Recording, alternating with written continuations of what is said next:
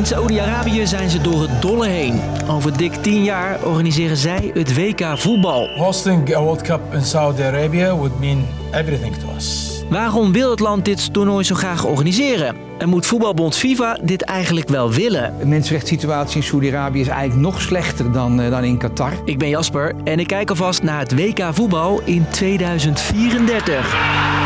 Lang verhaal kort. Een podcast van NOS op 3 en 3FM.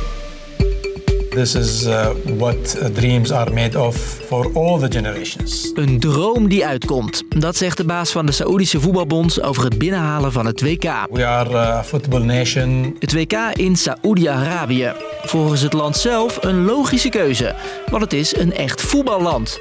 Althans, ze doen er de laatste jaren alles aan om dat te worden. Good luck, congratulations, and we will have together a great success. Step by step, I think this league will be the top five leagues in the world. Neymar, Ronaldo, Benzema. De ene na de andere topvoetballer werd onlangs voor tientallen miljoenen door clubs uit Saoedi-Arabië gekocht.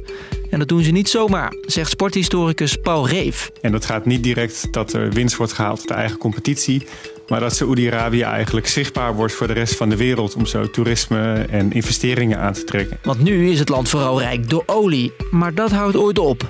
En dus maakt Saoedi-Arabië nu al een plan om de economie ook in de toekomst draaiende te houden. Alleen dan met toerisme, zoals dus een groot sportevenement.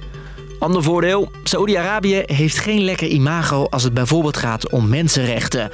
Een WK organiseren, dat komt dan goed uit. En sport is natuurlijk de ideale manier om positieve aandacht voor je eigen land te genereren. Daar zo meer over. Eerst, hoe zorg je er als land voor dat jij een WK mag organiseren? Het begint bij het indienen van een plan. Dus in welke stadions wordt er gespeeld? Zijn er genoeg hotels? Vroeger besloot het bestuur van de FIFA daarna welk land het beste plan heeft.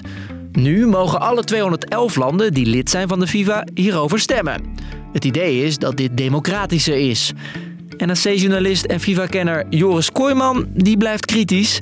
Want de baas van Wereldbond FIFA, Infantino, en de Saoedische kroonprins lijken goede vrienden. Het lijkt erop dat het behoorlijk is voorgekookt. Ja. Hij en de FIFA hebben ervoor gezorgd dat behalve Azië en Oceanië er eigenlijk geen enkel continent meer in aanmerking kwam voor het WK in 2034. Zit zo. De FIFA wil niet dat een WK te vaak in hetzelfde continent wordt gehouden. Vorige maand werd bekend dat in 2030 zes landen uit drie verschillende continenten het toernooi samen gaan organiseren. The World Cup will return to Europe and Africa and will be celebrated as well in South America. In 2026 is het WK al in Noord-Amerika. Hierdoor vallen in één klap een hoop WK-opties weg. En daarom werd de keuze voor het WK in 2034 ook vervroegd. Aanvankelijk zou er pas in 2026 uh, zou je pas kandidaat hoeven stellen. Dat is ineens vorige maand uh, naar voren gehaald door de FIFA. Na Saoedi-Arabië wilde alleen Australië het toernooi organiseren. Maar dat land trok zich op het laatste moment terug. Niet heel verrassend, zegt Joris. Het was wel duidelijk dat ze weinig kans zouden maken tegen Saoedi-Arabië. Dat had al heel veel steun verworven van uh, andere nationale voetbalbonden. En dus blijft er maar één kandidaat over voor landen om op te stemmen. Nog steeds niet heel democratisch. Op de keuze voor Saoedi-Arabië is kritiek. Het is een uh, pijnlijke constatering dat je ziet dat FIFA min of meer zodanig uh, regels aanscherpt en aanpast, waardoor heel veel landen afhakken. Dat zegt Yevgeny Levchenko. Hij is voorzitter van de vakbond voor profvoetballers. En ook mensenrechtenorganisaties maken zich zorgen. It's a catastrophe for human rights. Want weet je dit nog? De 2022 FIFA World Cup is Qatar.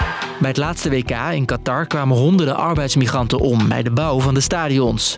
En vanwege het klimaat werd dat WK in december gespeeld. Allemaal redenen waarom veel mensen zeiden: een WK in zo'n land, dat nooit meer. Maar. A few moments later. Nu wordt het dus Saoedi-Arabië. Een land dat qua temperatuur en mensenrechten niet beter scoort dan Qatar, zegt Amnesty International. Het is een land met doodstraf op grote schaal, geen vrijheid van meningsuiting. De hulporganisatie hoopt dat door dit toernooi de mensenrechten in Saoedi-Arabië verbeteren. En dat het toernooi anders alsnog wordt verplaatst. Maar dat laatste ziet FIFA-kenner Joris niet snel gebeuren. De FIFA stelt tegenwoordig allerlei eisen aan gastlanden, uh, ook op het gebied van mensenrechten en arbeidsrechten en duurzaamheid bijvoorbeeld. Maar goed, als je de enige kandidaat bent, dan kan je afvragen wat je nog te eisen hebt als FIFA. Dus, lang verhaal kort. Over dik tien jaar spelen de beste voetballers ter wereld tegen elkaar in Saoedi-Arabië. Dat land wil graag een grote toeristische sporttrekpleister worden en de WK, dat helpt daarbij. Is ook kritiek op, want net als in Qatar staat het land niet bovenaan als het gaat om mensenrechten. Was de podcast weer. Elke werkdag rond 5 uur staat er een nieuwe aflevering in je app. Bedankt voor het luisteren. Doei!